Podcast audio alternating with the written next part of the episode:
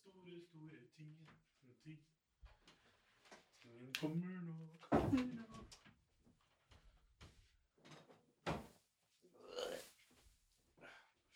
Og genseren fikk dere, Alle er business.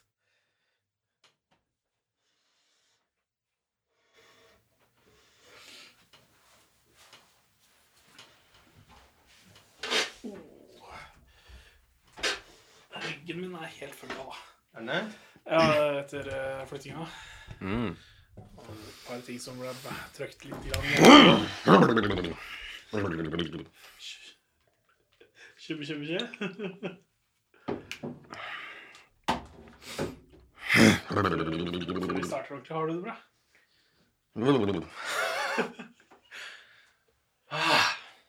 Ja, jeg er gjest i dag, ja. Ja. I dag er jeg gjest. I dag er du gjest. Ja, ja. Ja, ja. Skal velkommen, jeg, da. Jeg skal ikke blande meg i hva du skal gjøre i dag. Jeg er gjest. Det er mitt behov. Det er behov. Jeg har stort behov for å ha gjest. Ja, så bra. Skal jeg gjeste deg godt mulig. Eh, ta vel imot dagens gjest. Kristoffer Gjellum. Tusen hjertelig. Ja, velkommen hit til talkshowet Hansemann møter forskjellige interessante personer. Jeg, Eh, jeg, vet, det, jeg skal ikke blande meg opp i det her nå. nå er det, jeg bryr meg bare, ikke. bare nyte livet. Ja. Mm, det er godt å høre. Vi har starta trykk og alt det Ja. greiene. Jeg må bare spørre, jeg. Så jeg har ikke kikka bort, det, så jeg vet ikke. uh, men Vi er så godt i gang nå at uh... nå er allerede fem minutter inn, øh, ute, si. uh, men Kjør du, Hansmann. Ja, nei, altså, jeg Vær så god. si tusen takk for frokost. Altså, det er noe av det beste som fins, tror jeg. da. Altså, nå har jeg våkna opp i ny leilighet, så jeg har akkurat flytta. Og jeg åpna kjøleskapet til morgenen i dag og tenkte ja, nå skal det bli godt med fro... Nei. Vent litt. Her er bare pizzaen jeg bestilte i går, som er liksom et par biter igjen av. Og så Nei, da, da må vi i butikken. Og så hører jeg det drypper på vinduet. Og det var Nei, det regner. ja, nei, da får jeg bare være sulten og gå og rydde litt og styre og ordne litt grann, uh, i mellomtida. Eh, Og så tikker det inn en melding fra meg. Ja. Har du spist? har du spist? Jeg Eller vil du ha egg og bacon? Egg og bacon! Yes! Det er nå andre gangen vi holder på å bygge opp en ny tradisjon her nå. Det er egg og bacon. Så hva er det som skal til for å lage en tradisjon, egentlig? Altså, eh, er det selvfølgelig ja, gjentakende, men hvor mange ganger? Og Ja, hva tror dere som hører på? eh, send en melding til Til Hansmann. Han trenger um, trenger informasjon om dette her. eh, Vi må gjøre litt research. Eh, Det, jeg har jo faktisk noe peiling på det eh, fra min far. Min far han sier at eh, nå er dette en tradisjon. mm. Og det er gjerne etter første gangen. Hvor det er da planlagt at dette her skal skje igjen innen en viss tidsperiode. Da er det enten dette skal vi gjøre hver uke, hver måned, hvert kvartal eller en gang i året. Sånn. Halvåret vet jeg aldri. Jeg tror det er, det er kun juleribba og juliribba som man har som tradisjon sånn sett. Ja, ikke sant. Nei, men uh, Jeg jeg tenkte jo å være gjest med et eneste unntak om at jeg um, Hvis det er noe jeg må snakke om, så kan det være litt rundt behov. All right. Behov er nice. Mm. Um, Fordi jeg har merka litt på at jeg har blitt litt sånn fra, fra sommeren og til nå, da, så jeg har merket en liten sånn derre tendens mm. til at jeg har vært litt sånn likegyldig. Litt sånn monoton til sinns. Og, og ofte når jeg er i sosiale settinger, så har ikke jeg hatt noe sånn stort behov for å ytre mine meninger. nei. Så jeg har kjent liksom på at jeg har, jeg har egentlig bare vært som en sånn der mikrofon ofte. At jeg bare, jeg bare lytter og, og hører ting. Ta fram hånda og bare Ja, litt sånn, og så, og så, og så har jeg Jeg har virkelig ikke kjent Eller jeg har Det er på en måte litt uh, tosidig, sant? For at hvis du bare går og lytter hele tiden, mm. og så alt du sier er liksom ja og nei, for å si det litt på spissen ja. her, da Så liksom hvis du sier Hvis jeg spør deg Jeg kan stille spørsmål, det, det gjør jeg ofte. Nei. ja, nei. Det var bare sorry. Så kanskje jeg stiller deg spørsmål om politikk, da, for jeg lurer litt på hva du tenker rundt politikk. Mm. Og så sier du noe rundt øh, valget i USA. Mm. Og så, etter at du har sagt det, og jeg har hørt på det, så kjenner jeg at jeg vet ikke hva jeg skal si. Jeg har ikke noe å hm, Ja, ja, da vet jeg det. Ikke sant? For det, det jo din mening, og så Altså, jeg, hadde, jeg hadde ikke noe sånn Jeg hadde ikke noe Jeg har ikke noe behov for å si noe imot. Nei. Og jeg har ikke noe behov for å Og så syns jeg det er litt sånn interessant og artig, liksom. Ja, ja. Hm, hm, ja. Men er, det ikke, er ikke det en fin Jo, det er det. Det er jo veldig chill, det er det. Men samtidig så har jeg kjent litt på at jeg Jeg har um, behov? Ja, litt behov Jeg har Det er på en måte Jeg startet jo setningen om å si at jeg har ikke hatt så stort behov for å For å si mine meninger. Mm. Men samtidig så er jo det Det blir jo litt sånn Det kan jo bli litt problematisk, det òg. Fordi at jeg har jo et behov for å si mine meninger. Mm. Så det er jo egentlig det som er behovet mitt, og derfor har jeg lyst til å snakke om behov. Ja. For at jeg, som alle andre, har jo behov for å bli sett og hørt. Og Så jeg har Det er egentlig Det jeg kanskje prøver å si, er at behovene mine har vært litt sånn undertrykt. Altså, Ja. jeg har egentlig bare Det har vært litt sånn lokk på Altså sånn, hvis du skjønner? ja. Er det da et uh, trykk du har følt uh, puttet på av deg selv eller av andre, eller uh, en mellomting? Hva føler du der? Mm, Har du tenkt noe over det? Um, litt usikker på hvor det kommer fra, men hmm, Jeg veit at jeg har så Hvis jeg først soner inn i alt det her Nå er jo på en måte Vi er jo litt Vi er fortsatt ikke helt varme i trøya, sant? Nei, Det, Absolutt. det tar litt tid før, før, de, før, de, før jeg soner inn i liksom Og liksom nå som vi sitter her og spiller inn, det er liksom Det er Man skulle tro at jeg kunne klare å slappe 100 av i mitt Mm. eget studio med, og sånt, men, men som jeg kanskje sa litt i forrige episode, så er det litt Det er litt sånn um, Litt skummelt. Ja. Du, uh, la oss ta en liten øvelse. Um, jeg gjør at du skal bare lukke øynene. Tre, altså, jo, nei, men vær med på dette her. Dette er faktisk litt gøy. Uh, ok, lukk øynene. Trekk pusten. Og slapp av. Bare nyt dette lille øyeblikket. Og så vil jeg at du skal tenke litt tilbake, ikke så veldig langt tilbake. Men uh, vi er akkurat ferdig å spise frokosten. Eh, og praten går lett og fint. Um, vi sitter rundt spisebordet der ute, og du har et behov for å si dine meninger. Mm. Eh, det er der du er nå. Akkurat der. Lagt fra deg kniv og gaflene og bare prat. Ja, det er veldig Veldig digg. Så det jeg tenkte på, da, eh, eller det jeg lurte på, var det her med uh, altså, mm, behov når du og måten du snakka om det, så syns jeg det var meget interessant. fordi det er, det er veldig mange aspekter rundt behov, ikke sant? Og du snakker om uh, kanskje et behov for å ytre meningene dine. Mm. Uh, og så tenker jeg at det, det kan jo være undertrykt, uh, det behovet, eh, av deg selv eller av andre. Altså andre har behov for å ytre sine behov eh, eller meninger um, overfor deg, uh, og presse sine meninger på deg. Eller så kan det være at vet du hva, tilliten til de du snakker med, ikke nødvendigvis er så stor. At du ikke føler at du kan åpne deg opp for dem. Det er jo muligheter. Altså, jeg har jo en skikkelig stor Jeg har veldig stor troa på at, at atferd og sånn kommer fra et sted. Mm. At det er en grunn til hvorfor man er som man er, liksom. Mm. Og at det, har jeg veldig stor tro på.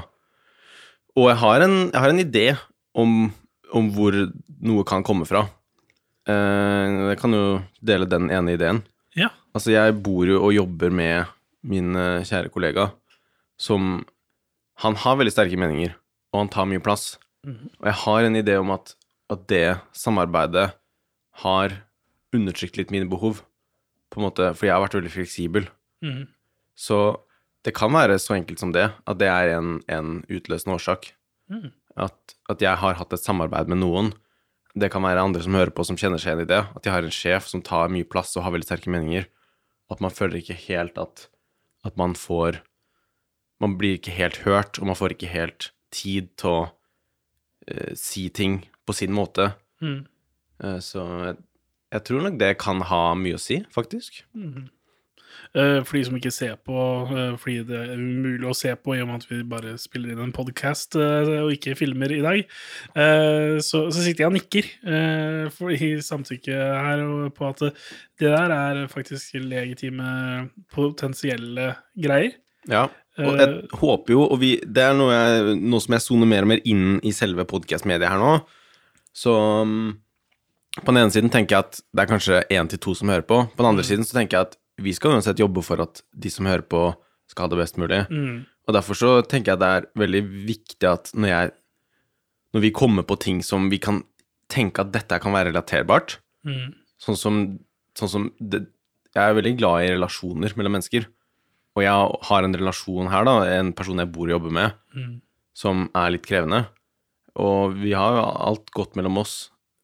Men noen ganger så må man være ærlig, og det har jeg sagt til han òg, at vi, er, det er litt krevende. Mm. Men det er jo på så sykt mange områder. Nesten alle må kjenne seg igjen i det. Enten det er en sjef, eller det kan være eh, forhold, kjæresteforhold. Det er en grunn til at det blir krig her i verden, Ja. eh, for å si det sånn.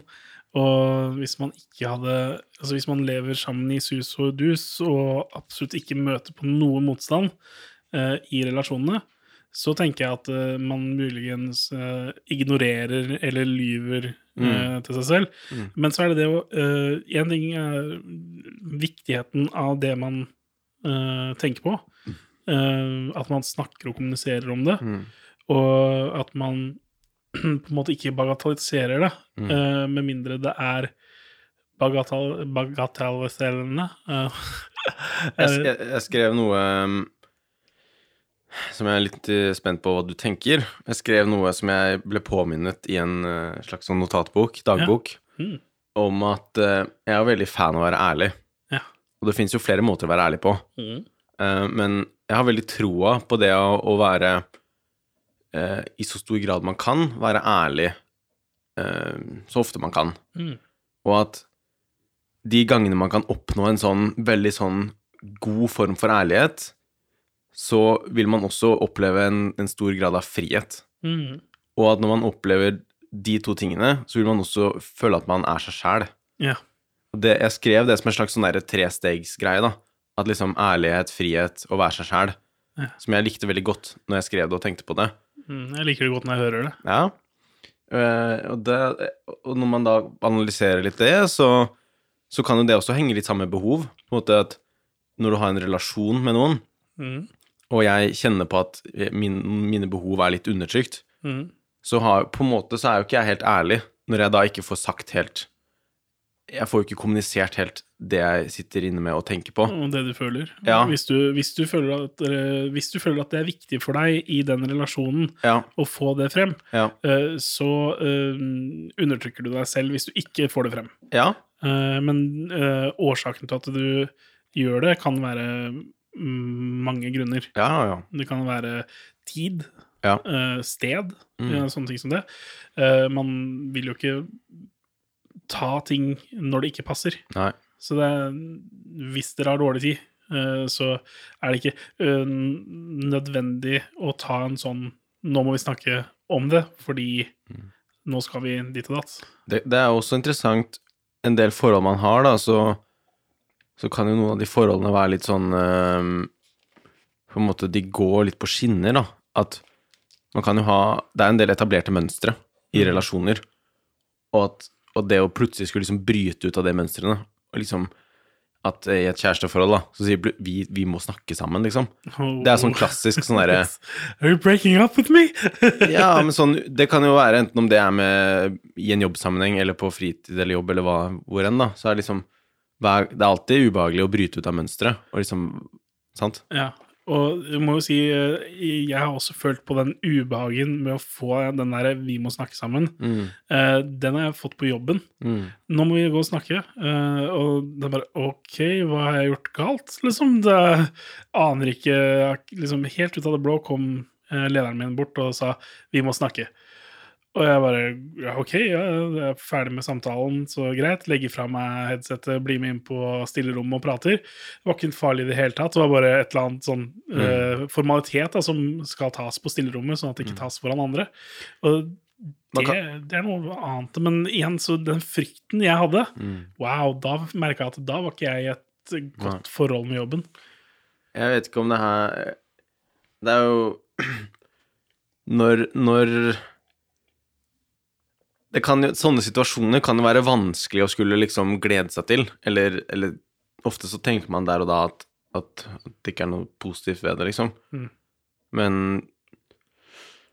i sånne situasjoner så er det jo ofte litt ekstra rom for å For å si et Det er på en måte litt sånn, sånn en boble, da, hvor det kanskje Kanskje folk er litt ekstra mm, eh, på vakt, på en måte. Litt sånn lytter litt ekstra, eller sånn at Jeg er jo veldig Jeg syns det er veldig fint å Eller hva skal jeg si, ja? Det fine med å stoppe opp og bryte opp i mønsteret, mm.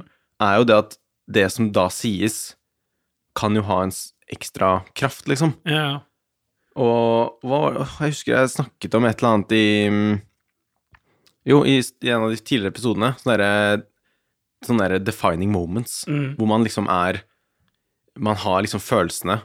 ehm, Ja, ok, så jeg skal hoppe inn der, for jeg ser du sliter litt med å komme dit. eh, Og jeg helt eh, jeg, tror, jeg vet jo ikke, men jeg tror jeg vet hvor du snakker om. Eh, Det her handler om ok, du gjør noe som kanskje ikke er helt det normale. Du er utenfor komfort- komfortsonen, og det er følelser i sving, ja. og det blir en sterk opplevelse. Og utfallet av det, det går med deg videre. Ja, Eh, der har vi det. La oss si at du hadde vært veldig emosjonell når du lagde ris eh, den tredje gangen, og ikke fikk det til. Og det gikk rett i dass, og da tenkte du bare faen, jeg kan jo ikke Kan jo faktisk ikke lage ris, så da kan jeg ikke lage mat i det hele tatt. Ja, fordi det var jo Jeg fortalte eh, min lille rishistorie, hvor jeg tre ganger på rad skulle prøve å koke ris. Jeg hadde allerede litt lav selvtillit med det, men så gikk det tre ganger like dårlig. Eh, brant den, tror jeg, eller hva et eller annet. Og da bestemte jeg meg for at jeg ikke kunne koke ris. Mm. Og det, den historien har jeg tatt med meg videre, og, og tenkt på hvor lett det ofte er å identifisere seg med sånne ting. Mm. Man eh, bestemmer seg for at jeg liker ikke å dra på dates fordi jeg syns det er skummelt og har hatt noen opp kjipe opplevelser med det. Mm. Og det er jo litt synd, da, hvis man i starten eller slutten av 20-årene har bestemt seg for noe resten av livet. Oh yes. Og da, da blir man litt sånn uh, låst, da. Og det Jeg vil jo ikke- egentlig ikke være låst. Nei. Og hvis, hvis noen spør meg, og jeg svar, sier at jeg er en liksom, liker å være åpen til sinns, så er det jo litt synd å møte seg selv i døra inniblant. Mm. Men det gjør man ofte. Ja. Det, altså, man møter seg selv i døra. Uh, så handler det da om å gjenkjenne det, og kanskje gjøre noen endringer da, og bryte opp i det mønsteret. Var det ikke et eller annet som du sa da jeg sa det med risa? Var det ikke du som sa et eller annet om at du hadde bestemt deg for noe? Uh, ja, jeg- nå husker jeg ikke. Beklager. Men ja, ja altså, jeg hadde bestemt meg for et eller annet. Jeg, jeg, vet det. Ja. Eh, jeg husker at jeg sa det også, men jeg bare husker ikke hva. For det, Ja. jeg har bestemt meg for veldig mye opp gjennom tida. ja. Eh, men eh, det- altså Var det, det var ikke noe med alarm eller søvn eller noe sånt? Med mm, mm, Nei, eh, jeg snakka om alarm og søvn tidligere, Ja. sånn, men det var ikke Nei, kanskje vi kom på det. Kanskje, kanskje det, etter hvert. Fordi der tror jeg vi Det er jo litt artig Det tror jeg alle som hører på også har Det er gøy å se litt på hvor i livet har man sånne ting. Man har bestemt seg for noe. Mm. Og så spør Det er jo ofte litt kjipt, da. Litt sånn derre Litt sånn derre ærlig selvransakende. Litt sånn derre Hvorfor egentlig er det sånn? Jeg, altså jeg vil bare hoppe inn her og si at jeg har jo eh, selvtillitsproblemer eh, ut av det ville eh, når det kommer til det med damer. Jeg er dritinteressert, eh, veldig gira, men jeg tør ikke. Jeg er veldig klar for at eh, jeg har hatt mine dårlige erfaringer, og det kommer til å skje igjen. Uh, det, er liksom, mm, det har kommet til det punktet hvor jeg har bestemt meg selv for at uh, dersom jeg prøver meg på ei dame, så blir jeg driti ut av andre eller av meg selv på en eller annen måte, og så blir det ikke noe Det kommer til bare til å bli ingenting. Uh, så jeg har vært veldig forsiktig med det å dra på dates. Men uh, i forgårs, på lørdag, så var jeg på Tinder-date. Oh my god. Det uh, Det var interessant. Det var veldig gøy. Vi Altså si, Jeg vet ikke om jeg skal gå så veldig mye mer inn på det, men vi gikk en tur, og det var veldig hyggelig. Og vi har pratet i etterkant også, så det er en sånn seier for meg. da. det er Slå meg litt på brystkassa. Jeg er veldig fornøyd med det. Ja, hvordan kjenner du på det nå, da? Er kjenner du litt på mestring rundt det? Ja, jeg gjør det. eh, og så er det det at eh, jeg prøver å ikke føle press på det. Mm. Um, det er ingen forventninger til hva neste steg er mellom oss i det hele tatt fra min side, og heller ikke fra hennes side, tror jeg. Um, vi bare tar det sånn det er. Og med covid som presser på, så er det greit å vite at det ikke er noe press uansett. Men det er også litt interessant, da, som kanskje mellom oss tenkere. Mm. For at sånn, du kan jo ha bestemt deg for med hun at nå skal vi ikke ha noen for, forventninger, sant? Og så litt sånn med den podkasten her òg, da. Så er det sånn, jeg kan tenke før sending i dag at Innspillingen i dag at nå skal ikke jeg ha noen forventninger. Nei. Men så er det litt artig som, den effekten som kan skje idet man deler det. Hvor det sånn, Mm. du på en måte Du også kunne jo tenkt med hun jenta her nå at, at nå skal du faktisk skrive til hun at Det er jo noen ganger man deler sånne ting, sant? At Mm. jeg har, jeg, jeg, jeg har virkelig ikke noen forventninger, liksom. Det er jo henne man sier sånt, ikke sant? Mm. At er mm, Du kan ikke ha noen forventninger til meg, eller ikke Nei. Så det, noen ganger så Det jeg prøver å si, er bare liksom interessant hvordan det er forskjellen på På å liksom selv slå seg til ro med den ideen om at 'jeg skal ikke ha noen forventninger', men at man trenger ikke å dele det, sant? Mm. Sånn som den podkasten her òg. Jeg kunne Forrige gang så holdt vi på å snakke oss bort før vi starta. For at Ja. vi begynte å prate sånn meta rundt sendingen. Bare sånn her, Skal vi ha forventninger, eller skal vi ikke ha forventninger? Hvilke forventninger har du? Hvilke behov har du? ja, ikke sant?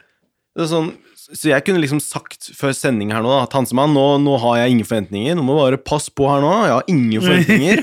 Sånn, ikke, ikke, forvent noe nå. Mens istedenfor å liksom gjøre en stor greie ut av det, så For da, da har man egentlig forventninger, sant? Da, da, Mm. Det er liksom Da tror jeg man Ja, det har gått på den fella der hundre ganger selv. Ja. Jeg tror vi også har gått på den i sammen eh, Ja, men, men kom poenget mitt fram? Forskjellen på liksom genuint ikke ha forventninger og liksom bare slå seg til ro med det selv og finne en sånn egen ro med ikke ha forventninger.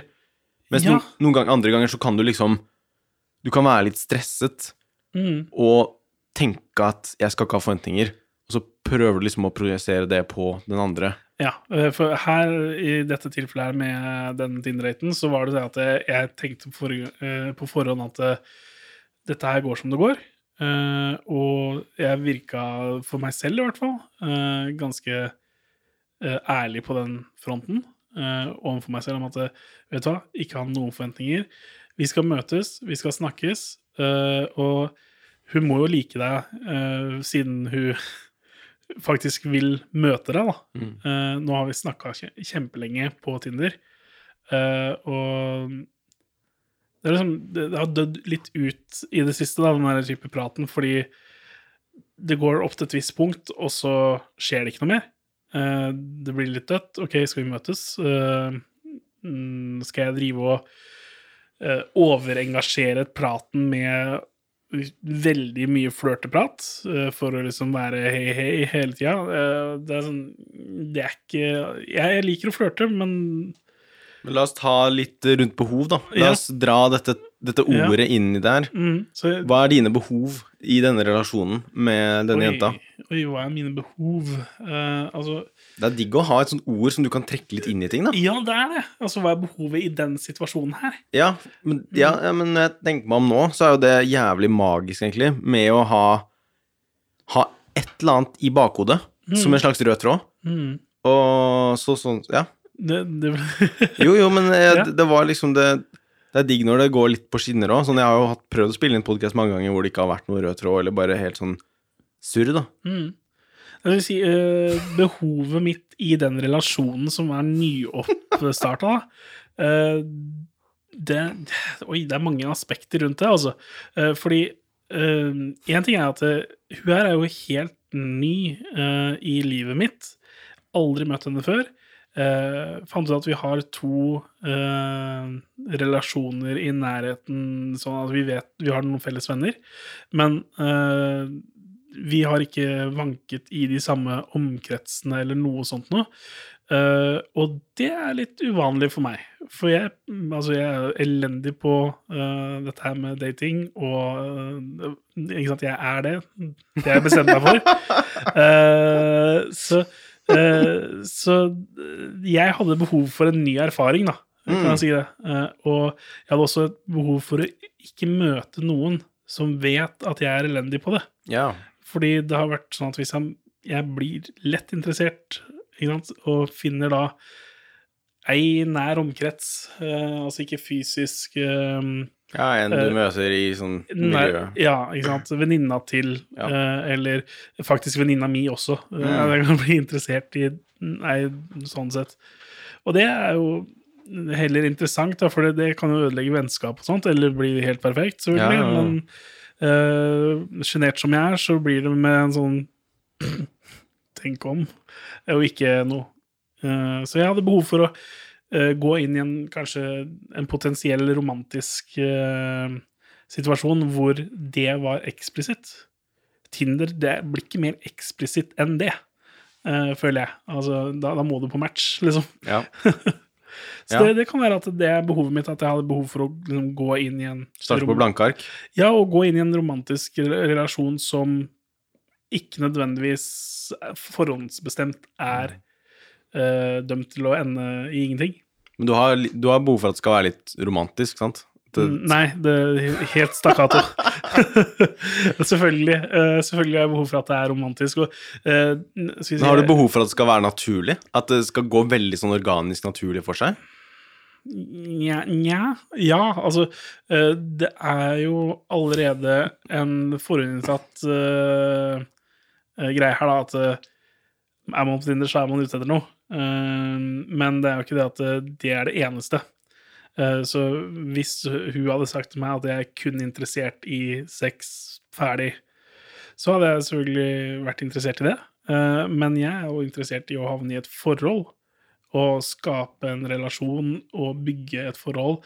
Ehm, mm, om det er med hun, jeg vet ikke. Ehm, men det, det er noe hun jeg er med mm. sånn akkurat nå. Men hvordan, hvordan, hvordan føler du det mm, hos deg utspiller seg, den, det behovet og forventningene? For du sa jo i stad Altså, jeg vet det er umulig å ikke ha noen forventninger. Mm. Man har jo alltid noen forventninger rundt disse behovene kanskje man har òg. Ja, ja, ja. Eh, men igjen så er det det med spenning og det uvisste eh, sånn sett. Altså, jeg har behov for spenning, kanskje, okay. også. Så du syns det er gøy å flørte litt sånn sett? Jeg elsker å flørte. Du gjør det? Men jeg legger sjelden merke til når jeg gjør det. Ok. Så det kan egentlig passe deg ganske bra. Så, så fort du liksom får bli litt varm i trøya, så, så kan du like litt den at det er litt usikkert? Litt sånn mystikken Ja, eh, men jeg må også være trygg nok på uh, situasjonen. Uh, for eksempel, jeg kunne ikke gjort det foran andre på en måte. Uh, hvis det hadde vært et rom full av folk, så er det som uh, nå, Da føler jeg meg litt som sånn på utstilling. Ja. Uh, spotlight på meg, spotlight på dama som jeg skal mm. sjekke opp, mm. og alle sammen i rommet vet at jeg skal prøve å flørte med den dama her. Det går jo ikke. Det, det, er jo dømt til å feile. Jeg vet ikke, har du sett mye Friends? Nei. Nei, ok. Det, jeg må bare fortelle. Det er en episode der med en pizzajente, uh, delivery-opplegg, som han ene da prøver å legge an på. Uh, hun har nylig klippet håret, uh, og det ble veldig kort. Og i foregående leveranse av pizza så sier hun det uh, til en annen person, at hun føler seg som en fem år gammel gutt. Um, den personen som får den beskjeden her, da, sier det til han som er interessert. eh, at hun har klept det og føler seg som en fem år gammel gutt. Eh, han presterer da å bestille en ny pizza og sørger for at det er hun som kommer og leverer den, og presterer da å si som en flørtende undertone forsøk I really like five-year-old boys. og det er bare wow. Eh, det, det er litt den derre Mm. What? For hun huska ikke det i det hele tatt da, nei. at hun hadde sagt det. Uh, og hadde jo selvfølgelig ikke peiling på at han hadde fått vite det av han andre. Så, Mm. uh, det, jeg ser liksom for meg at alt av flørting som jeg gjør, fisler ut i noe sånt noe. Og den derre Yes, OK, I'll take my leave now. Men, men i sånne situasjoner, da, kan du kjenne på en litt sånn sånn at, at du begynner å overtenke? ja, ja. Ja. For det har jeg kjent på litt Jeg, jeg har faktisk merket i det siste at jeg har Jeg husker for noen tid tilbake siden, kanskje et år eller to, Mm. to-tre to, tre år faktisk, så husker jeg tenkte sånn at at jeg sjelden kom i kleine situasjoner. I sosiale setninger. Mm. At jeg liksom Jeg hadde en idé oppi hodet mitt om at, at jeg liksom At jeg kunne liksom stille sånn, Du vet sånn Hvis man har glemt navnet til noen, Mm. så kan folk tenke at det er kleint. Sånn. ja. Hvis jeg har møtt en person tre ganger, og så, og så må du for tredje eller fjerde gang spørre hva heter du. Mm. Men av en eller annen grunn da, så var jeg litt sånn høy i hatten den perioden, og litt sånn, hadde liksom god selvtillit eller god driv eller noe sånt. da. Mm. Så jeg Selv liksom de, den type ubehagelige ting, sosiale, kleine ting, syns ikke jeg var kleint. Mm. Så jeg hadde liksom Jeg tror det var rundt på Telia-tider. Ja. Og jeg drev og følte meg veldig sånn hjemme på Telia og gikk rundt til alle nye og prata med fremmede og liksom stilte alle mulige rare spørsmål og sånn. Ja, for jeg, jeg, der, der maler du et veldig fint bilde av deg selv eh, i en periode på Telia, hvor du var Du gikk rundt, og det oste av selvtillit. Ja. Og du hadde med deg kamera og tok bilder og uh, Mm. snakka med alle. Du lagde jo disse kortfilmene. Ja. eh, og da, da var du på en måte i ditt ess, da, for at Ja. du greide å gjøre oppgavene dine som var på Telia, samtidig som du hadde tid til å gjøre. Eller greide å på en måte gjøre begge deler, da. Ja, ja. Akkurat nå så tenker jeg ikke så mye på de oppgavene på Telia, men Mm. på det sosiale aspektet. At jeg liksom Jeg husker en, en person jeg var før, som kunne liksom så lett og ledig bare liksom snike meg bort til en annen person og bare stille et sånn dumt spørsmål og bare Ikke noe sånn overtenking, ikke noe sånn kleinhet, ikke noe sånn derre Mm. Det var liksom så Det var bare så Jeg hadde bare så troa på liksom den sosiale relasjonen, da. Mm. Mens det har jeg virkelig kjent på nå i det siste. At jeg har havnet Jeg føler meg som en mer sånn klein type. Mm. Det er litt rart, og det er litt Sånn sett så Så hvis jeg skal være litt selvkritisk, så kjenner jeg at jeg eh, merker forskjell. Altså, jeg har ikke vært den, den skikkelig osende, blomstrende versjonen av meg selv som jeg husker jeg har vært. Mm. Sånn som i går, så skulle jeg ta litt, noen bilder av noen jenter eh, Ok. Jo da, jeg skulle ta noen- portrettbilder av fem-seks jenter. Mm, det er NTNU i futsal. Det er noen jenter. Altså Ja, mm. damefutsallag. Ja, Og, og da Før så ville jeg på en måte synes at det var bare jævla stas. Så ville jeg liksom bare tullet og ledd og vitsa liksom og bare kom foran kamera, det her blir dritfett, og liksom bare hey, full god stemning, liksom bare. Mens nå var jeg mer sånn derre Hallo. Hei. Veldig sånn stakkato, da. Som Ja. sånn derre Ble du for profesjonell, kanskje? Ja. Mm. Og, men det er bare det er opp, Jeg prøver bare å male litt lite bilde av, av meg i det siste. Og litt sånn Sånn som jeg startet med intro nå. Hvis det er noen som har hengt med så langt som det her, så må jeg bare gratulere. Fordi jeg har ikke noen forventninger om det. Nei. Jeg- Men jeg syns det er interessant. Ja, ja, ja, hvis du Ja, Ja. hyggelig. Ja, det, det er godt å høre. Det er en god start. Nei, så jeg har bare merket at jeg har um, Nå prøver jeg å koble to ting. Det jeg sa i starten, rundt med at jeg har ikke hatt så stort behov for å ytre mine meninger, Mm. og litt det at jeg har følt meg litt sånn Litt Jeg har Ikke blomstret så mye som jeg veit jeg kan. Og jeg har også merket at jeg har blitt litt sånn klein til tider. At jeg har liksom litt passiv og litt sånn derre um, overtenkende i ulike sosiale settinger. Det lurer liksom på at jeg lar Jeg har på en måte så mange antenner, så liksom Jeg er så på vakt, nærmest. Altså at jeg har liksom skrudd på antennene på maks og tar inn alle signaler, og liksom er for opptatt av å ta inn signalene, mer enn å liksom utstråle min egen energi. Sånn som jeg da var av mine glansøyeblikk på Telia, hvor jeg liksom jeg, jeg hadde den på en måte Jeg var nesten bare liksom utstrålte energi. Mens nå så suger jeg til meg energi, og har ikke like lett for å stråle ut, om det gir noe mening, da. Jeg tror det gjør det for min, for min del, så føler jeg at det gir mening, det du sier der. Ja, takk for det. Um, skulle du fortsette å snakke om disse damene? Nei, jeg har ikke noe. Jeg har ikke behov for det. Nei, du har ikke behov for det? Nei, jeg bare, jeg syns det var bare helt fantastisk hvor vi bare kikka på hverandre, og det var spontan latter uh, i det øyeblikket. Kan ikke nekte for at jeg kan kjenne meg igjen i noe av det du sier rundt, eh, rundt damer. Så Ja, ja, herlig. mer om det i episode 500. Ja, ja, ja. Eh, Så tune in, for det, det, det blir. Det blir Nei, jeg kan ærlig innrømme at det, denne podkast-greiene her, det syns jeg er artig. Men jeg har, som jeg sa, jeg har kjent meg litt sånn mutt oppi hodet. Litt sånn blank, liksom sånn eh, Jeg har ikke hatt så mye på hjertet. Jeg har ikke hatt sånn driv. Jeg har ikke hatt, før jeg husker meg selv for noen år siden, jeg bare hadde så liksom oste av hans så mye tanker og ideer liksom, om livet, om filosofi, om liksom Og sånn sett så, så smerter det meg litt å si, fordi jeg har alltid egentlig drømt om å ha en sånn her type podcast hvor jeg kan virkelig liksom eh, stimulere den, den, det behovet jeg har for, og, for tanker og følelser og filosofi. Og liksom Jeg har jo drømt om det lenge, å ha noe sånn her. Og så merker jeg liksom det, er, det tar litt tid å på en måte bli Jeg har liksom ikke det, det, er litt, det er litt terskel å skulle liksom gå ut og markedsføre noe, da. Sånn, ja, ja. Siden jeg også opplevde at jeg har hatt masse ideer, men ikke egentlig fått gjennomført noen av det. Så liksom, hatt mange småprosjekter, har ikke hatt noe stort som jeg kan stå for. Ja. Så liksom Og det så, så jeg For meg så er det veldig digg å bare liksom kunne gjøre det her. Prøve å bare få det som en sånn greie, liksom. Bare bli trygge på hverandre, og liksom Jeg vet ikke Hvis vi merker at det blir dritbra, liksom, så da har jeg ikke noe imot for å liksom Men jeg har litt forventninger, faktisk, til det, hvis du skjønner. ja.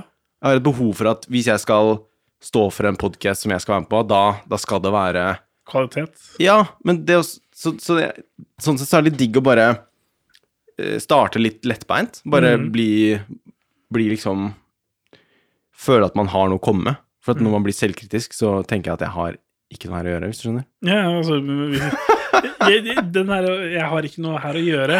Ok, så den, uh, den følelsen, den uh, har jeg Altså, jeg har jo behov uh, Jeg har et behov. Jeg driver og kikker etter å finne meg en ny jobb, ikke sant? Så det har jeg snakka om med deg tidligere. At jeg ser etter ny jobb. Uh, og der har jeg den der de Åpner opp en uh, stillingsannonse, da, så står det 'den smørbrødlista'. Jeg, bare, jeg sjekker på ett punkt, og bare Ja, her har jeg ikke noe å gjøre. så da, da blir det fort at jeg dropper å søke på den stillinga. Men så er det en uh, venn av meg som har sagt um, Når jeg søkte på den jobben jeg fikk, uh, sa hun, så, så traff jeg på ett av punktene. Mm. Eh, og det var at eh, hun hadde erfaring fra et sted. Hun hadde ikke riktig utdanning, hadde ikke ditt og datt, og det var liksom, de hadde en lang smørbrødliste. Men hun søkte for at hun hadde da Den hørtes interessant ut, og hun hadde erfaringa fra et av de områdene som de ønska erfaring fra. Og så tenkte hun det at eh, Jeg har i hvert fall det. Uh, og jeg har det, eh, og det, da havner jeg på en liste over folk som har det. Hva om alle andre som søker, ikke har det? Mm. Da kanskje jeg antar kanskje jeg har noe der å gjøre, da. Ja. Og så hun fikk jo jobben, Mm. eh, så det er jo bare helt magisk. Eh, og der har, der har jeg vært veldig selvkritisk, da. Ikke sant? Mens hun bare sa til meg at nei, vet du hva, når jeg søkte jobb, så søkte jeg på absolutt alt som virka litt interessant. Og bare skrøyt meg sjæl opp i sky.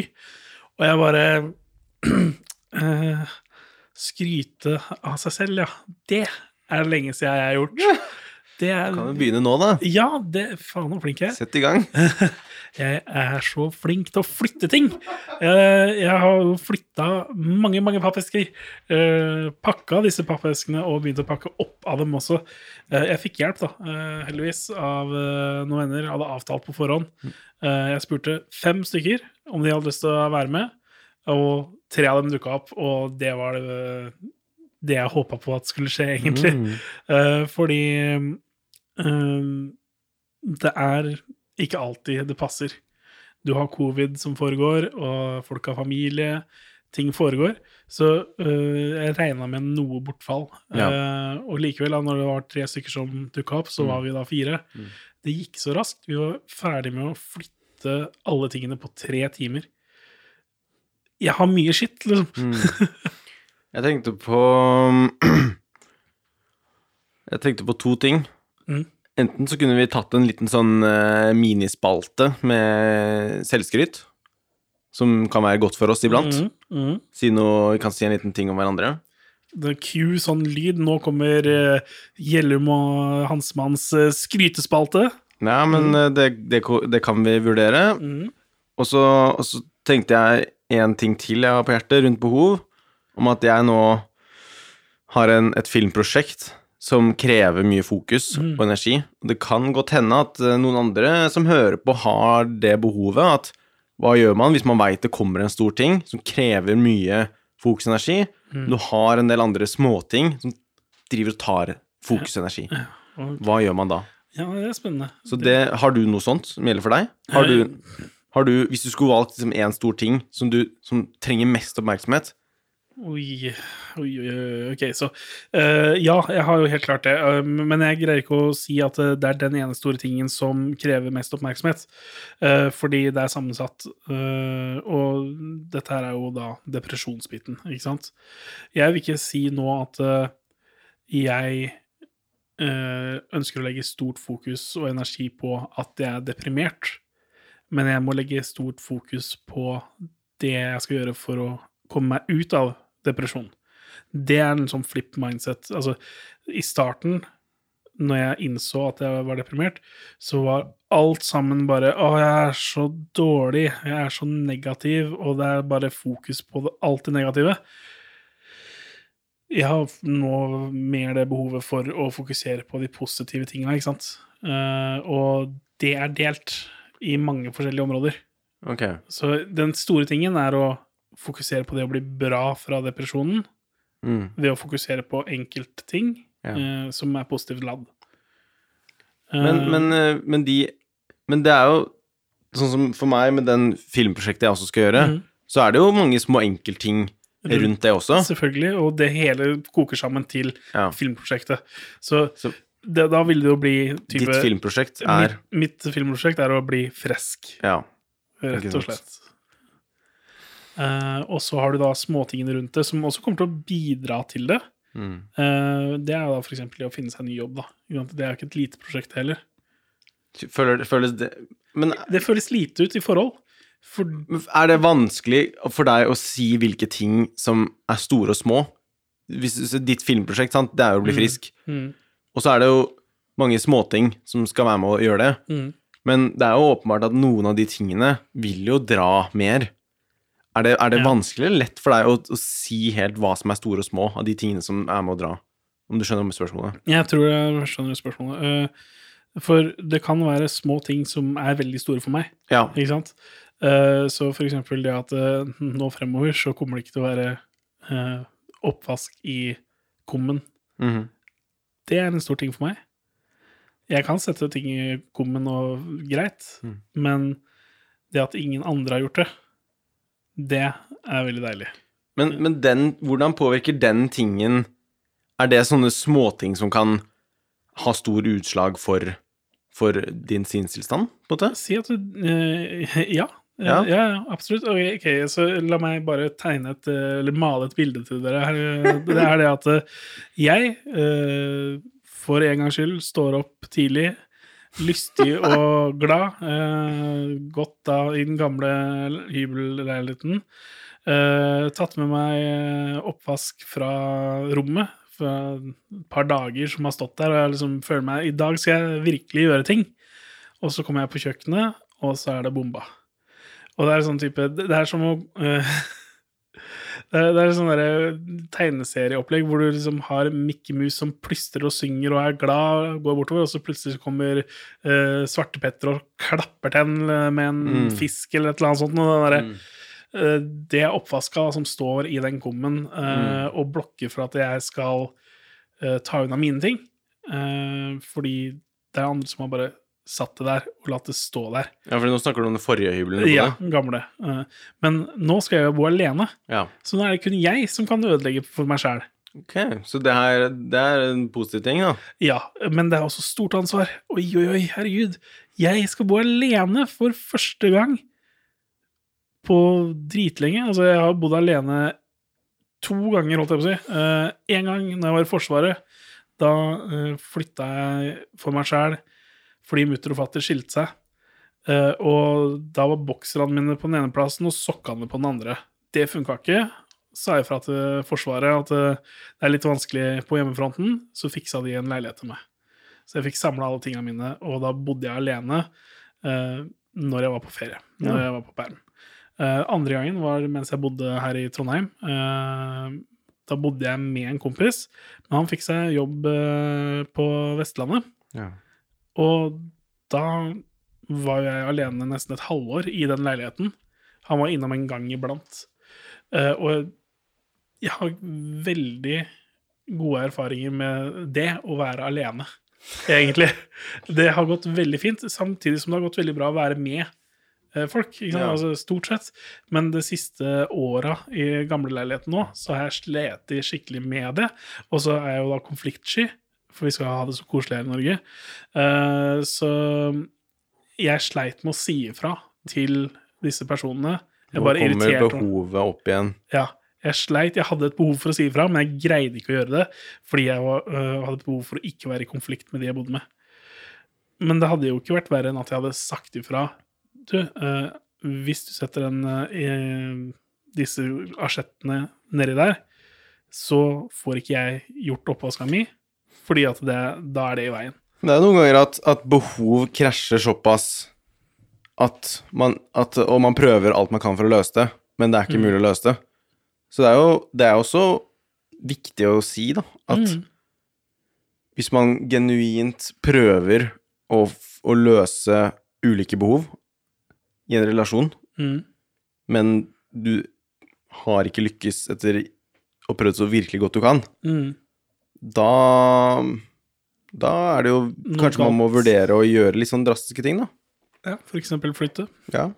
Mm. Men det kan sies at uh, jeg flytta til, sist, til slutt. altså, jeg flytta jo nå, men uh, de andre jeg bodde med, flytta rett før meg. Ja. Uh, og jeg hadde da på en måte allerede Når covid kom, da, så dreiv jeg og samla opp mot til å si ifra. Uh, og så skjedde det ting som gjorde at det ikke var mulig å si ifra. Eh, den personen var ikke til stede. Eh, og når den personen kom tilbake, så skulle jeg si ifra, men da fikk vi beskjed om at eh, denne personen skulle flytte.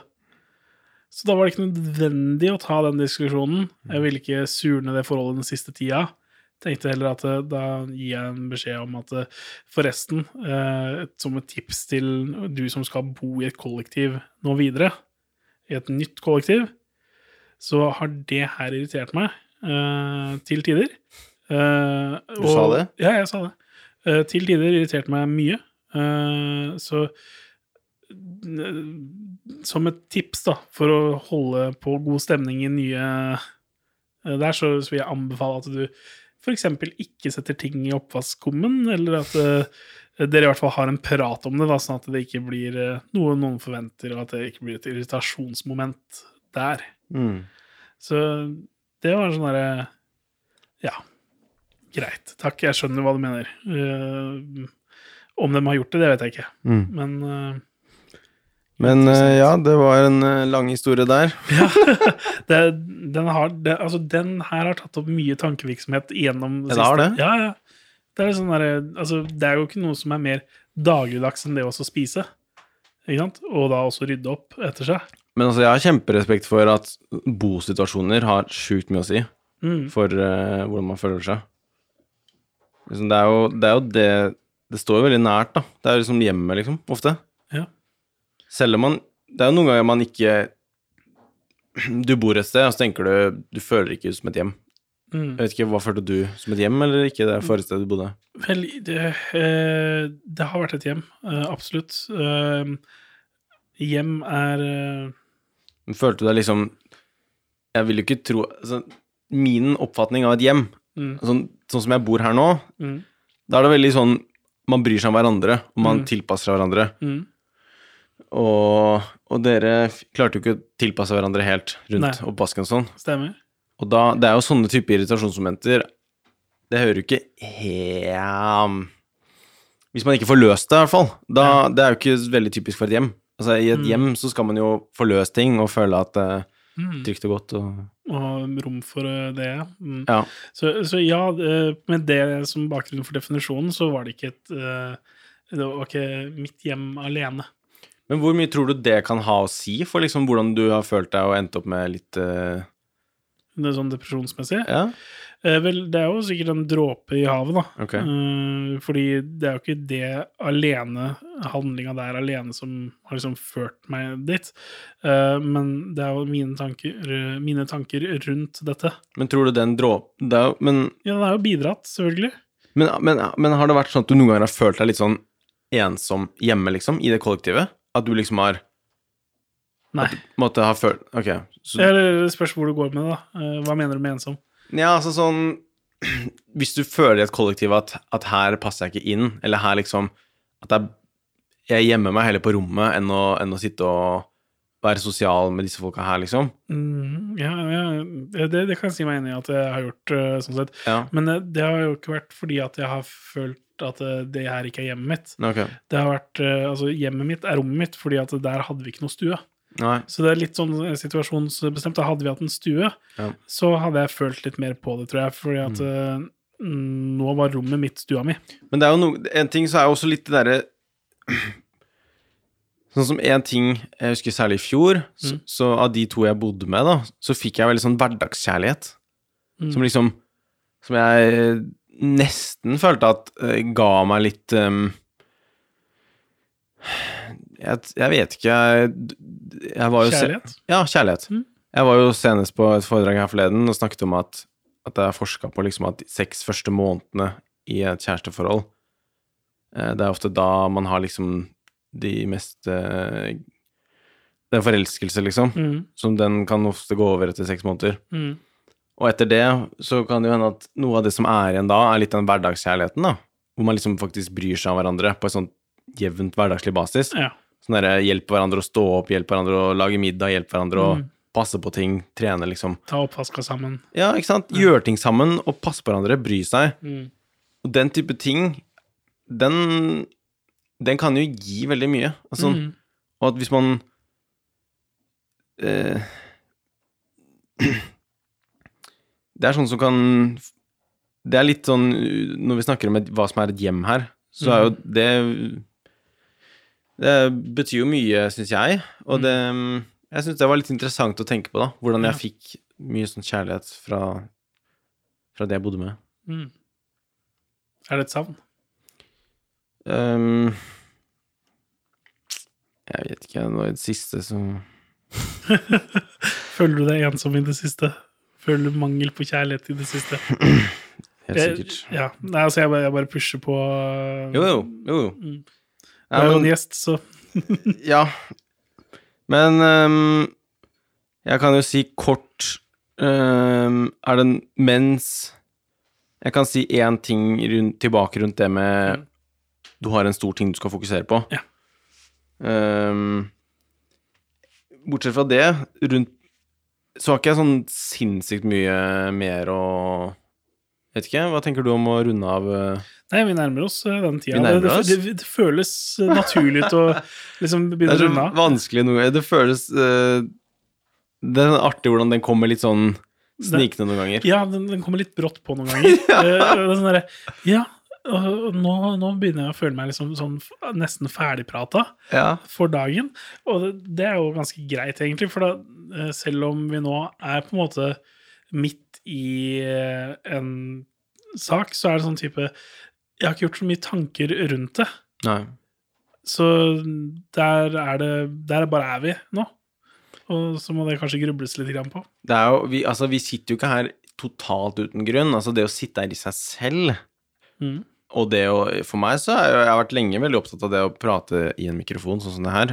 Være nøye på Nei, nei det, det å prate på podkast er litt sånn Litt terapi. Du hører din egen stemme, du er veldig sånn Det å høre sin egen stemme så tett kan være litt sånn Det er nesten som å høre pusten sin, liksom. Du blir sånn bevisst. Og det kan ofte være litt avslappende. mm. Så det er jo klart at jeg tror mange som spiller inn podkast, har et behov for å De får stimulert, da, et behov for å bli sett og hørt, Mm. sånn sett. Og, og det er ofte ja, ja, det er jo sikkert noe jeg har kjent på siden i sommer, da, at jeg ikke har uh, fått uttrykt meg så mye. Og da er det jo Jeg vet ikke om Jeg, jeg føler ofte mennesker som som når de får anledning til å prate, og de prater som en foss, Ja. da er det et eller annet behov der for å liksom Uansett hvor bevisst eller ikke bevisst man er på det, Ja. så er det liksom Det er godt på en eller annen måte. Mm. Hvis ikke så hadde de sikkert ikke prata, jeg vet ikke. Men ja, nei, jeg, jeg Det er ganske spennende det vi går inn på nå, og det, det kan vi ganske, snakke ganske lenge om, egentlig. Men eh, det behovet der, da, og jeg, jeg tror det er et behov der å snakke om ting. Ja. Så Og det, det er jo interessant med tiden vi lever i, fordi at det er så veldig mye informasjon, og vi drukner informasjon, og alt er så tilgjengelig hele tiden. Og, og på en måte så Siden det er så utrolig Alle er hele tiden tilgjengelig til enhver tid, og liksom Det blir liksom kamp om oppmerksomhet, og, og kamp om folks tid, og på en måte så har man all verdens tid, men samtidig så har hjernen blitt trent opp til at ting skal skje så fort hele tida. mm, Så liksom Og man blir kanskje litt utålmodig, og liksom uh, At man, man får Man får ikke prata lange samtaler. Man får ikke holdt fokuset på én ting. Og man, man bare hopper hele tiden, liksom Det dukker opp varsler. Plutselig så er det en venninne som sier noe på Snapchat. Så bare Oi, der spratt fokuset ditt dit. mm, Og så blir man Ja, man kan bli mm, Kjenne på mye rundt det, da. hvis, du, hvis du ser bort ifra de samtalene som vi har hatt her, da. Uh, når er sist gang du satt og snakka med noen så lenge? Ja. Ikke sant? Ja. Uh, vi har begge to ikke kikka på telefon. Nei. Vi har ikke satt på timer engang, for at det, det blir en naturlig Ja. dog litt brå slutt uh, Ja, ja. noen ganger.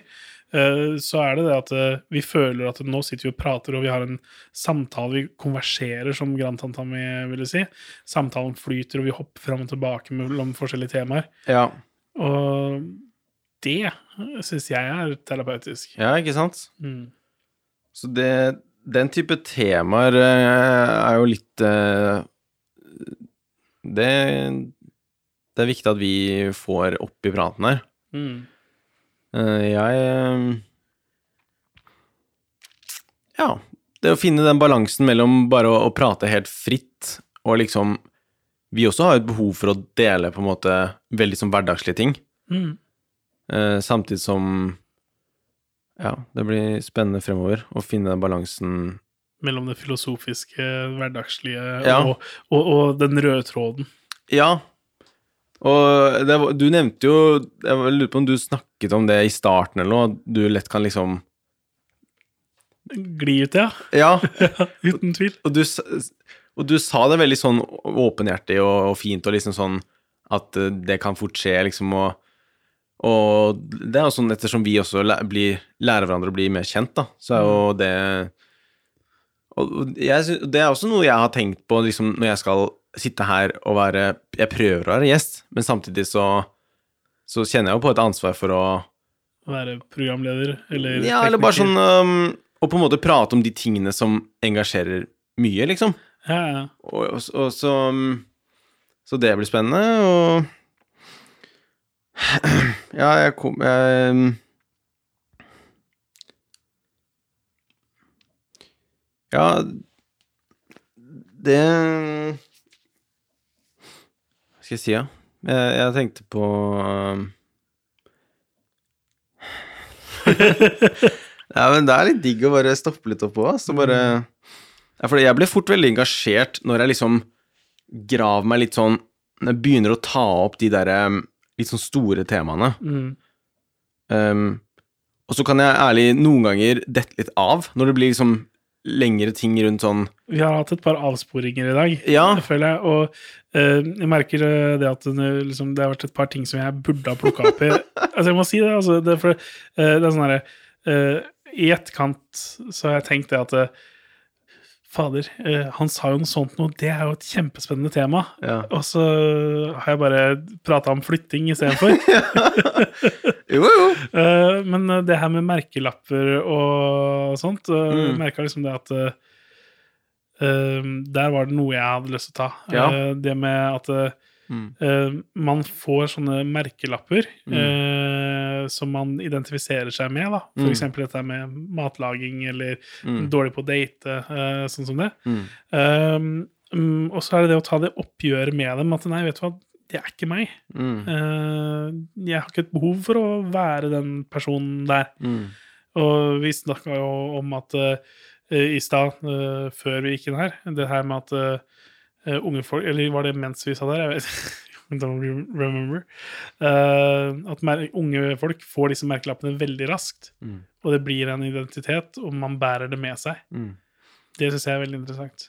Men jeg tror nok også at uh, litt sånn i, i metahodet oppi overtenkingsverdenen her, Mm. så, så jeg også Det kan hende at jeg har blitt litt skadet av sosiale medier, for at jeg liksom har kjent litt på den derre Det med å dele ting, hverdagslige ting, om meg selv, Mm. er liksom Jeg har blitt litt sånn fanget i, i min egen Jeg har blitt sånn fanget i mitt eget hode med liksom hva jeg skal dele og ikke. Mm. For at på sosiale medier så har jeg et hat-elsk-forhold og tenker at folk deler så jævlig mye sånn ubetydelige ting. Mm. Folk liksom bare feeder på med liksom bare sånn overfladiske ting, sant? Mm. Um, og derfor så kanskje jeg har blitt litt sånn at jeg syns det kan være litt vanskelig noen ganger mellom å, å dele hverdagslige ting. Det vet, vet ikke helt. Jeg blir sånn selvkritisk til hva jeg selv skal dele. Mm. For at jeg har mest lyst til å egentlig liksom bidra på en positiv måte. Ja. Jeg har mest lyst til å Sånn som alltid jeg, hver gang jeg åpner munnen min i den podkasten her, så har jeg jo mest lyst til at det skal være noe som gir noe verdi. Mm. Men, men samtidig så er det jo utrolig viktig å Og der tenkte jeg kanskje å spørre deg litt òg, hva du tenker, og hvordan du kjenner på, på ditt behov rundt det.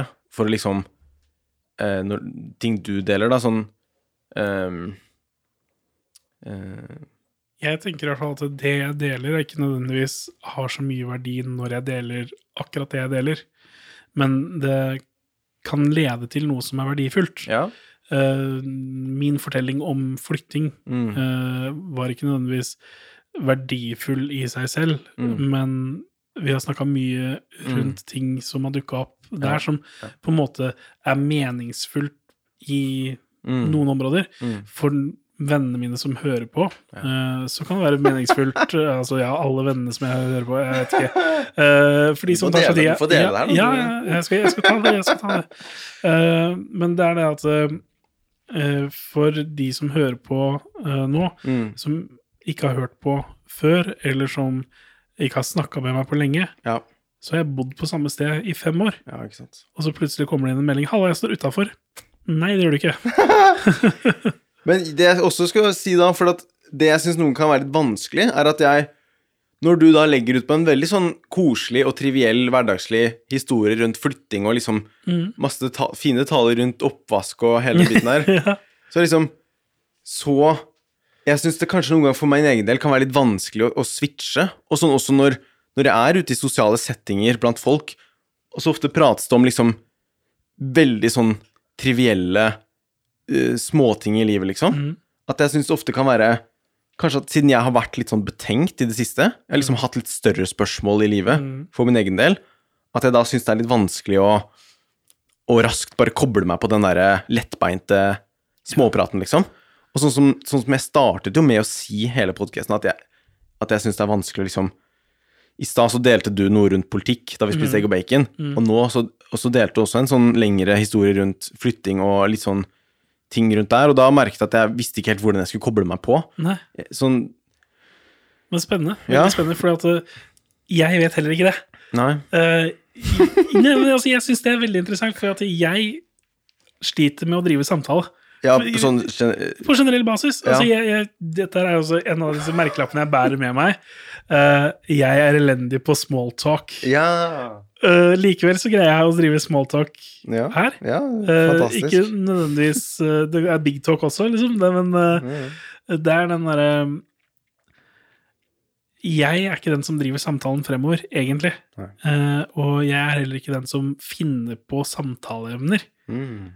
Eh, Det husker jeg at den personen jeg snakket om da jeg var i på Telia, mm, med den blomstrende Kristoffer, ja. Han var dritgod til å småtalke. Jeg elsket å. Nå har jeg Jeg har ikke Jeg har mista den gnisten litt, da. Jeg føler ikke at jeg Det er ikke noe jeg kan si nå. Jeg er ikke blitt det Ja, et eller annet har skjedd, altså. ja, men er altså, vi har blitt mer sammen. Jeg kjenner meg igjen i det du sier ja, om smalltalk. mm. men, men jeg tror at det går i mm, faser. I, Ja. I bølgedaler, selvfølgelig. Godt sagt. Eh, og eh, noen ganger så er man god på det, andre ganger ikke. Men også i eh, en fase i livet da, så er man bedre på noe uh, enn andre, og så. Og så er det litt viktig å stoppe opp, da, og huske liksom sånn Shit, jeg husker hvor blomstrete jeg oste uh, for to år siden, da. Mm. Så liksom, det kan jo ofte være til hjelp, da, å, å minne seg på hus, Hvis du også tenker tilbake, liksom, du husker kanskje en, en tid hvor du liksom bare Jeg var noe helt annet før i tida. Altså, Ja, du husker det? ja, ja, ja, absolutt. Altså, eh, si Men det er viktig å bare Du kan kjøre på med den øh, der, men bare at At man tar seg tid til å stoppe opp og huske litt sånn på hva og hvem man var da. mm, Hvor er man kommer fra? Ja, og liksom bare sånn hm, Shit, dæven, det var en god følelse, liksom. Kan man, er det små ting jeg kan gjøre i dag som Gjenopplever det. Ja, og, og bare også det å, å huske på at At det liksom Løpet er ikke kjørt. Er ikke, håpet er ikke ute, liksom. At jeg har helt ærlig tenkt litt sånn, da. Shit, nå er jeg blitt en litt sånn traus, monoton, eh, kjip fyr i, i, i samtalen her ute, liksom. Før var jeg ung og lovende, nå er jeg bare ung. Jo, jo, men uh, det er uh... Nei, men kjempebra. Det, det, og, jeg- åh, jeg- Du skulle begynne å snakke om den blomstrende hans. Ja, den blomstrende hans, hvor ble det av han, liksom? Altså, det, han dura jo på hele tida, og så plutselig bare boom, et eller annet skjedde. Det gikk i det stille. Eh, og så bare plutselig så var han den deprimerte hans. Mm. Og det sånn her hva, hva skjedde? Hva var det som gjorde det? Og hvorfor la jeg ikke merke til det? Mm. Og var det bare det at jeg resignerte og ga opp, liksom? Er det det som var greia? Ja. Når var det switchet skjedde?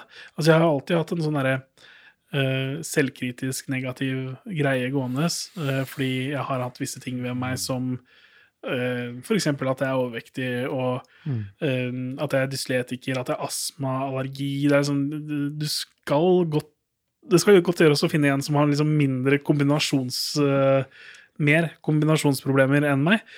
Allerede der kan snakke feil også. Eh, jeg snubla oppover trappa på skolen.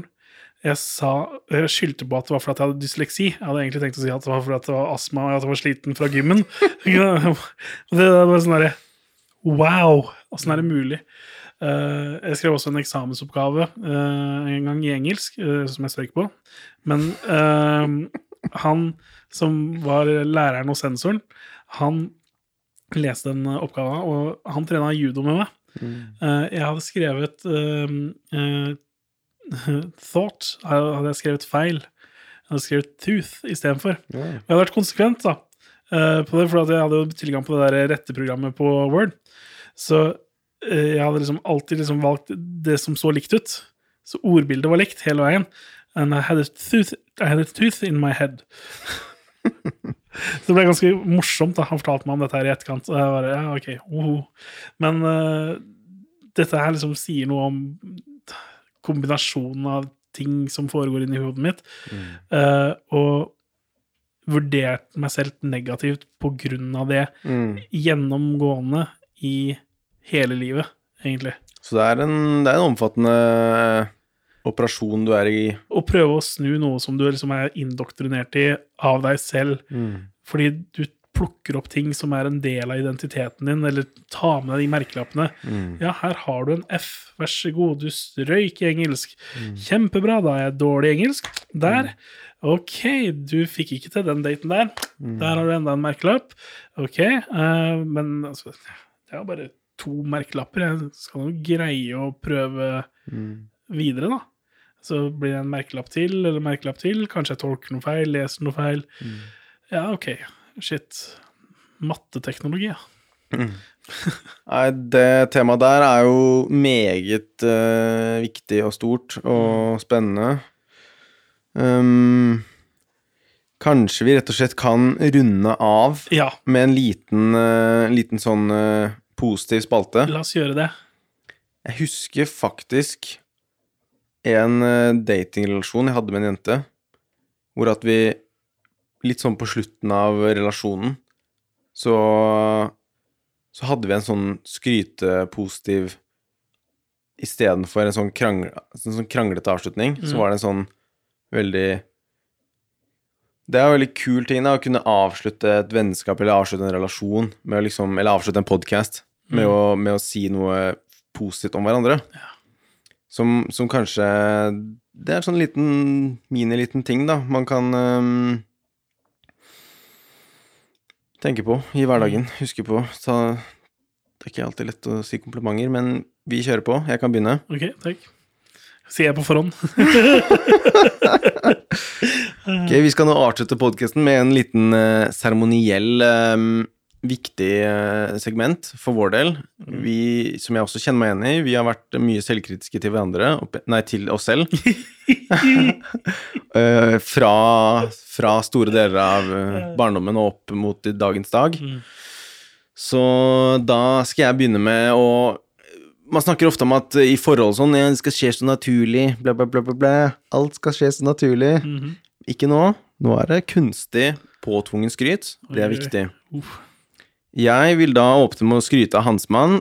Um, altså, det Det Altså, sånn Du er så Du utstråler mye energi, selv om du kanskje er deprimert og ikke skulle liksom Den latteren og den det liksom smilet og liksom sånn Ja, det, det, det syns jeg Det er viktig å si, da, at jeg som utenfra da, har liksom følt at uansett så har du utstrålt energi. Så liksom det å bare vite at du er en person som utstråler og gir energi til andre Sånn uansett hvor mye liksom grums du kjenner at du har oppi hodet, så syns jeg det kan være en fin ting du kan ta med deg og kjenne på. At Liksom at, at sånn Det tror jeg nesten Uten å egentlig liksom kjenne deg sånn sinnssykt godt. Vi er jo fortsatt liksom i gang med å bli mer kjent, men Ja. det er bare sånn inntrykk jeg har fra alle òg, at, at Eller jeg prøver å si at det inntrykket og den, det komplimentet jeg gir nå, det føles ut som at jeg kan stå veldig for det, bare sånn fra liksom Inntrykk, liksom. Det er sånn magefølelse, liksom. Uten å liksom kjenne deg fra Ja, nå skal ikke jeg prate meg bort, men, men uh, vær så god. Jeg vil si tusen takk, Uh, og jeg, jeg tar det faktisk til meg. Jeg, jeg aksepterer ja. dine meninger og det du sier til meg, eh, og jeg setter veldig stor verdi på det. Fordi det er viktig å ta komplimenter. Nå skal ikke jeg prate mer. Jeg skal bare si en siste ting. ja, ja, det det lærte min stefar meg. Og det å bry seg Jeg tror jeg sikkert sa det i starten av Mm. forrige påske noe. Jeg sa det. Du har sagt det i hvert fall. Jeg har det. Det med å ta komplimenter. Det er en, en viktig egenskap om å bry seg om andre. Mm. Når jeg skryter av deg, så er det liksom informasjon om meg. At det liksom Det handler om meg. Mm. Hvis jeg sier jeg er trist, eller hvis jeg sier Hansemann er kul, så er det info om meg som du kan velge å bry deg om meg eller ikke.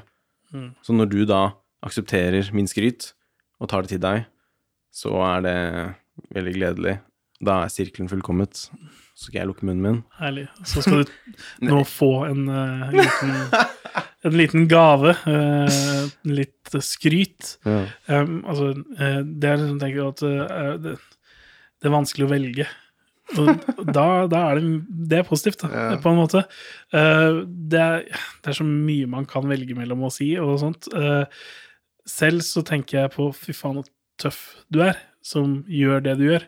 Altså, det, du har snakka om frilansgrøten. Uh, du står på og jobber skikkelig hardt for det du ønsker, og tør å satse på deg selv. Det er det veldig få som gjør. Det er veldig mange som går rundt og er negative og eh, ikke tør å bryte ut. Men det gjorde du. Du brøyt ut av den derre hverdagslige mønsteret, og du sto på ditt og turte å satse, og du har kommet sinnssykt langt. Og nå er du på et sted i livet hvor ting ser ut til å kanskje ta av lite grann. Tror jeg, da, i hvert fall. Ut fra hva jeg ser, så er du prone til å ta av på visse områder. Og arbeidsmessig så tror jeg at det bare er starten. Og det er jo jævlig lenge igjen av livet. Så det er mye tid som Og en spennende tid som kommer fremover. Og jeg vil bare si egentlig Jeg syns du er jævlig tøff som tør. Modig. Tusen takk. Tusen takk. Vær så god. Nice. Nei, men eh, med det så kanskje gjesten skal få lov å runde av, da? Ja, det, det er jo veldig ofte sånn at vi har gjort det At den ene har lov til å si velkommen, og da er Ja. den andre som sier takk for i dag. sånn sett. Så kjør på med noen kloke ord på slutten her nå. Greit. Mm, jeg vil gjerne runde av. Jeg vil takke til eh, de som var med. Um, alt fra mm, Skal ikke tenke så mye om hvem, men jeg setter veldig pris på det. Og jeg er spent på hvor veien videre går for eh, denne podkasten her. Jeg syns det er sterkt. Vi fikk en liten knekk i starten, men vi er tilbake, og vi Vi jeg vet ikke om det Vi har vårt Som vi snakket om, vi kan ikke sammenligne problemer. Altså, det kan være noen der hjemme som har små eller store problemer. De kan føles De små problemene der hjemme kan føles like store som de store problemene som noen andre har. Så kunsten å ikke sammenligne, det vil jeg gjerne bruke som mine finaleord i seremoniens avslutning.